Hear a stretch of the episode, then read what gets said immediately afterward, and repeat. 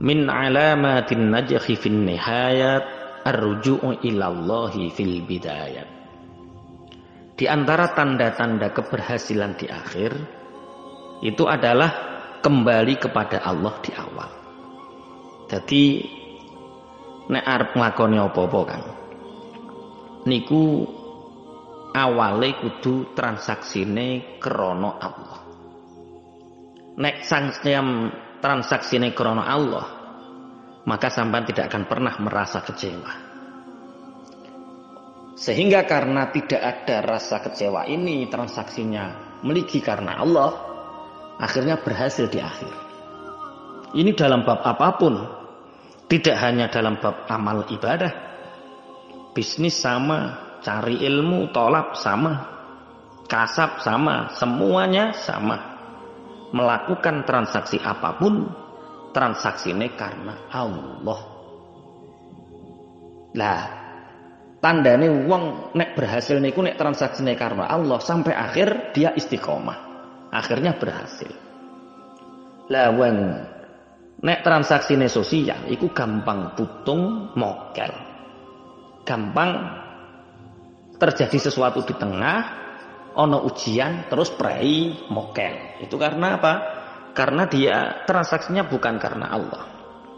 Mulanya sebagai seorang salik, orang yang menuju Allah, murid, langkah awal yang harus diperbaiki untuk sampai akhir perjalanannya adalah transaksi krono Allah. Siapa yang memperbaiki dan meluruskan langkah awalnya dengan kembali kepada Allah dan tawakal kepada Allah, meminta pertolongan Allah, bukan bergantung pada amal kebaikannya, karena amal kebaikan rawang tidak sempurna. Maka orang-orang yang seperti ini dia akan berhasil sampai akhirnya istiqomah. Ia akan sampai pada tujuan akhirnya dan tidak akan goyah dengan perjalanannya. Niat ngaji, ngaji krono Allah. Niat maca Quran, aja krono pingin didelok wong, aja krono pingin oleh saleman wong. Kita ini bicara sama Allah dengan membaca Al-Qur'an. Diapikno suarane karena kita berbicara dengan kekasih melalui kalamnya tajwid sing api, suarane sing merdu, sing tartil, sing tahsin bukan karena manusia, bukan karena transaksi sosial, tapi karena kita membaca ayat-ayat Allah, kalam-kalamnya Allah. Ya, uang kok gak ngelakoni ngono. Dek transaksi sosial. Boh ibadah opo wae, dek sedekah, dek maca Quran, dek salat, dek ngelakoni opo wae kok transaksinya sosial bukan karena Allah maka di tengah jalan ia akan berhenti mokel mulih kembali ke tempat keberangkatan semua karena keberangkatan semula ya karena transaksinya sosial ketika dia tidak dihargai secara sosial maka dia akan meninggalkan itu penting makanya tanda-tandanya Allah menghendaki seseorang itu dihancurkan. Jadi ono telung tondo. Gusti Allah nek kepingin ngerusak wong. Napa sing pertama? Sing pertama Allah memberinya ilmu tapi menghalangi untuk diamalkan. Jadi wong ngaji terus golek ilmu terus tapi tercegah untuk diamalkan. Oh, tandanya orang itu dihancurkan oleh Allah. Mulane nek duwe ilmu sak pira-pira kudu diamalkan. Karena tanda orang diam, dihancurkan oleh Allah, yang pertama itu napa? Dia diberi ilmu oleh Allah, tapi enggak dimampukan untuk mengamalkan. Nauzubillah. Yang nomor loro, Allah memberikan anugerah berupa berteman, berkawan dengan orang-orang yang soleh. Tapi menghalanginya untuk bisa meniru dan mengenali hak-hak mereka. Koncone wong soleh-soleh. Koncone wong api-api. Tapi gak iso niru perbuatane, yo enggak memberi hak kepada kesolehan mereka. Berbahaya sekali. Makanya Iki berarti tandane wong sing dikersakno elek karo Allah, tandane wong sing dihancurkan oleh Allah. Nomor siji diparingi ilmu tapi mboten saged nglampahi. Nomor loro dikai kanca sing soleh, kanca sing apik tapi gak iso niru kesolehan lan keapiane dan juga tidak bisa memberi hak-hak kepada kesolehan orang-orang itu. Sing nomor telu. Allah membukakan untuknya pintu ketaatan ya kuat ngelakoni amal. Tapi terhalang dari keikhlasan. Tapi ngelakoni amal ora iso apa? Ikhlas. Nah, ini dimulai dari mana kan? Agar awake iku ora kebagian, ora kegolong saka wong-wong sing telu sing dihancurkan Allah kalau mau. Orang yang diberi ilmu tapi terhalang untuk mengamalkan, Orang yang diberi teman dan sahabat yang soleh tapi nggak bisa niru dan tidak bisa memberi hak. Yang ketiga orang yang diberi kekuasaan beramal oleh Allah tapi terhalang dari keikhlasan. Carane bi, Carane mulai pertama awake harus diniatkan transaksi ini krono Allah. Min alamatin najhi fin nihayat arruju'u ilallahi fil bidayat. Di antara tanda-tanda keberhasilan di akhir adalah kembali kepada Allah di awal. Wa ufawwidu amri ilallah. Dan aku serahkan seluruh urusanku kepada Allah. Arab ngelakoni apa-apa wa ufawwidu amri ilallah. Arab ngelakoni keapian wa ufawwidu amri ilallah. Aku serahkan urusanku kepada Allah Arab ngelakoni nyambut gawe wa ufawidu amri ilallah. Aku serahkan segala urusanku kepada Allah. Mulane wingi wis tak terangno. Sing gede-gede wis tak terangno. Prinsip dasar kemenangan atau kita menjadi kaliber people. Apa kaliber people itu? Orang yang berkemampuan memenangkan kehidupan ini podo karo berhasil di akhir Niku di antaranya orang itu harus punya clarity, punya kejelasan. Sing mbok lakoni iku krana apa? Nilai apa yang kamu perjuangkan? Apa yang kamu bela dari melakukan ini? Misalkan melakukan bisnis, harus punya clarity. Melakukan amal, kudu clarity. Nilai apa yang diperjuangkan? Apa yang dia bela? Itu clarity. Sing nomor loro kudu duwe attitude. Apa? Sikap, responsible, responsibility jadi bagaimana cara sikap kita menghadapi sesuatu itu? Sing nomor papat kudu duwe keberanian. Keberanian melangkah. Tiga hal ini digabungkan usahanya sampai insya Allah berhasil. Punya clarity kejelasan, punya responsibility yang baik, dan ketiga punya keberanian. Begitu juga dengan amal ibadah. Kue amal ibadah kudu clarity ini jelas tujuanmu amal itu apa? Nilai apa yang kamu bela? Nilai apa yang kamu perjuangkan dalam amal ibadahmu itu? Kue ngaji apa sing mbok belani? Apa yang kamu perjuangkan? Kalau kamu bisa menjawab, kamu akan istiqomah.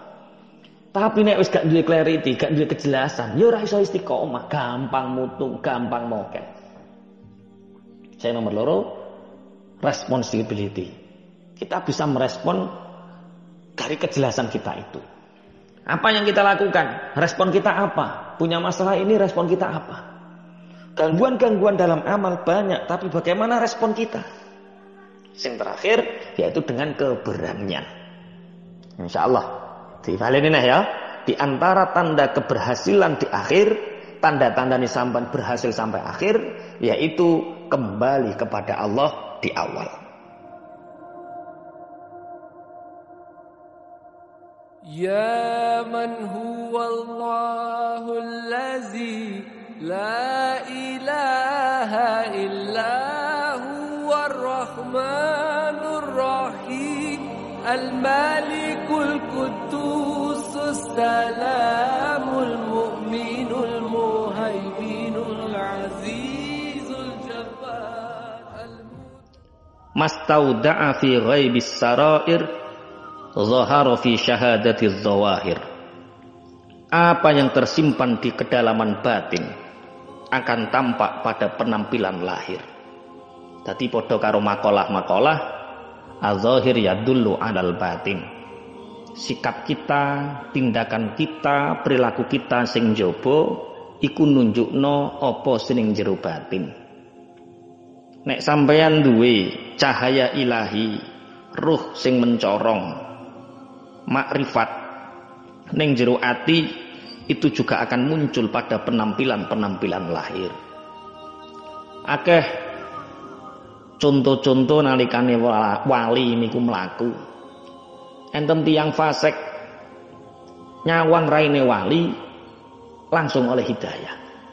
Keranten raine wali niku enten ma'rifatullah.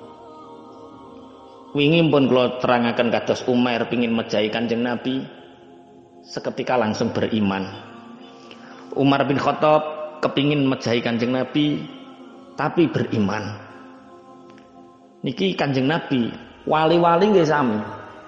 Orang yang mencapai derajat makrifatullah duwe makom teng ati makrifatullah niki mangke penampilan lahir niku tampak tampak sehingga dengan penampakan penampilan lahir niki tiang niku gampang dapat hidayah. Sing oleh hidayah wong nyawangnya oleh hidayah. Apa nek sing kegumbulan baturan kekancan sak piturute apa yang tersimpan di ke dalam batin akan tampak pada penampilan zahir. Tapi ngene kan batin zahir niku ora iso digawe instan nek mie iso mbok gawe instan kopi iso instan teh instan. Sampai makanan-makanan iso digawe instan. Tapi roh, jiwa, terus wujud neng afaliyah zahir iku ora iso digawe instan. Atau kita bentuk karakter itu nggak bisa disebut uh, ora iso digawe apa? Instan. Misalnya sampeyan sapa senengane sampean apa kopi kopi robusta misalnya apa apa arabica robusta ya kopi yang bercita rasa tinggi, misalnya kaya kopi robusta. Iku ae prosesnya ora iso digawe instan. Nanam biji kopine digawe sing terbaik. Terus biji kopine digawe sing biji kopi terbaik. Ditanam, dirawat, dipanen, dijemur, dipilih kembali, terus digiling. Setelah penggilingan pemilihan derajat panas. Penyeduane dipertimbangkan barulah secangkir kopi robusta penuh cita rasani terwujud. Ora prosesnya lebih dari dua bulan lebih dan melibatkan banyak orang ora ora gampang ora instan. Apalagi karakter kita afal zohir kita yang tercermin dari batin kita. Ini ora iso instan. Pembentukan karakter kita afal-afal zahir kita yang tercermin dari batin kita juga butuh proses sing dawa sing panjang. Melibatkan pengaruh-pengaruh komponen-komponen yang dia ora iso langsung jelek iso dadi apik. Dipengaruhi wong tuane koncone lingkungane. Pas wayah cilik terus wayah dewasa dipengaruhi teman relasi lingkungan wis banyak. Makanya yang pertama kali membentuk af'al zohir penggawean zohir sing tercermin songko batin itu mulane sing pertama adalah keyakinan atau iman. Iman. Iman ini akan membentuk karakter seseorang keyakinan keyakinan ini akan membentuk seseorang kalau batin sudah yakin maka af'al zohirnya dia akan punya tekad punya semangat karena apa? Dia punya batin yang yakin. Kemudian setelah orang punya batin yang yakin, kemudian afal dohirnya menjadi orang yang kuat, tegas, semangat. Dibutuhkan pola pikir. Pola pikir, pola pikir. Lah, pola pikir Dik apa keyakinan, keyakinan membentuk pola pikir. Pola pikir nanti akan membentuk penampilan. Penampilan yang membungkus.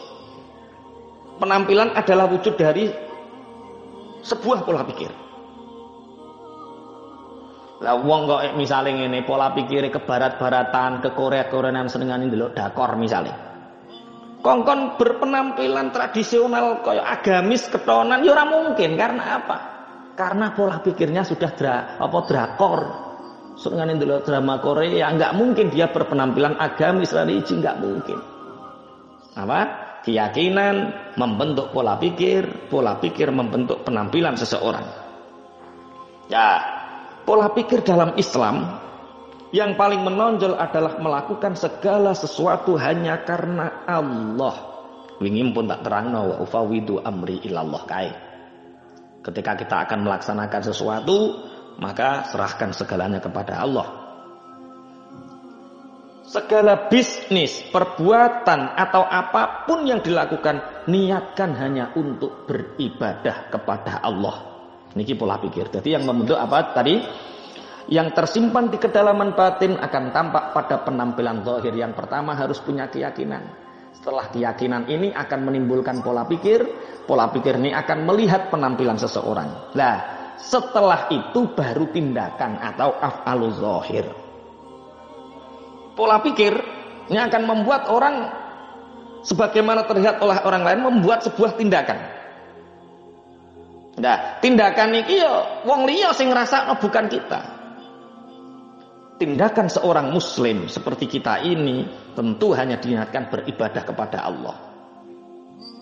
Ya, tindakan yang diniatno ibadah neng Allah niki membawa kebaikan seluruh permukaan bumi. Keyakinan membentuk pola pikir, pola pikir membentuk penampilan, penampilan membentuk tindakan. Nah, tindakannya wong muslim ya pakaiannya muslim setelah tindakan ini akan merubah menjadi sebuah kebiasaan. Perbuatan atau tindakan af'alul zahir yang diulang-ulang ini akan membentuk sebuah apa? kebiasaan. Kebiasaan Islam apa? Disiplin. Bahkan Rasulullah ngajari anakmu nek wis umur pitung tahun, ulangan sholat, umur 10 tahun gak gelem sholat, gepuken. Diajarkan disiplin, itu kebiasaan.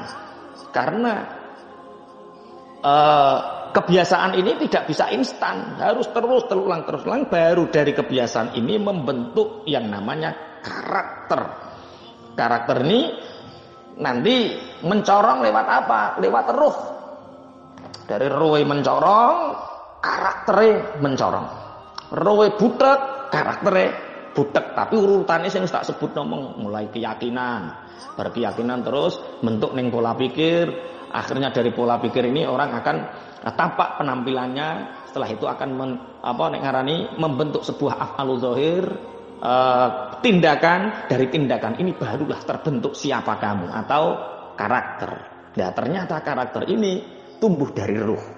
Mastauda'a fi ghaibis sarair zahara fi syahadatiz zawahir. Apa yang tersimpan di kedalaman batin akan tampak pada penampilan zahir.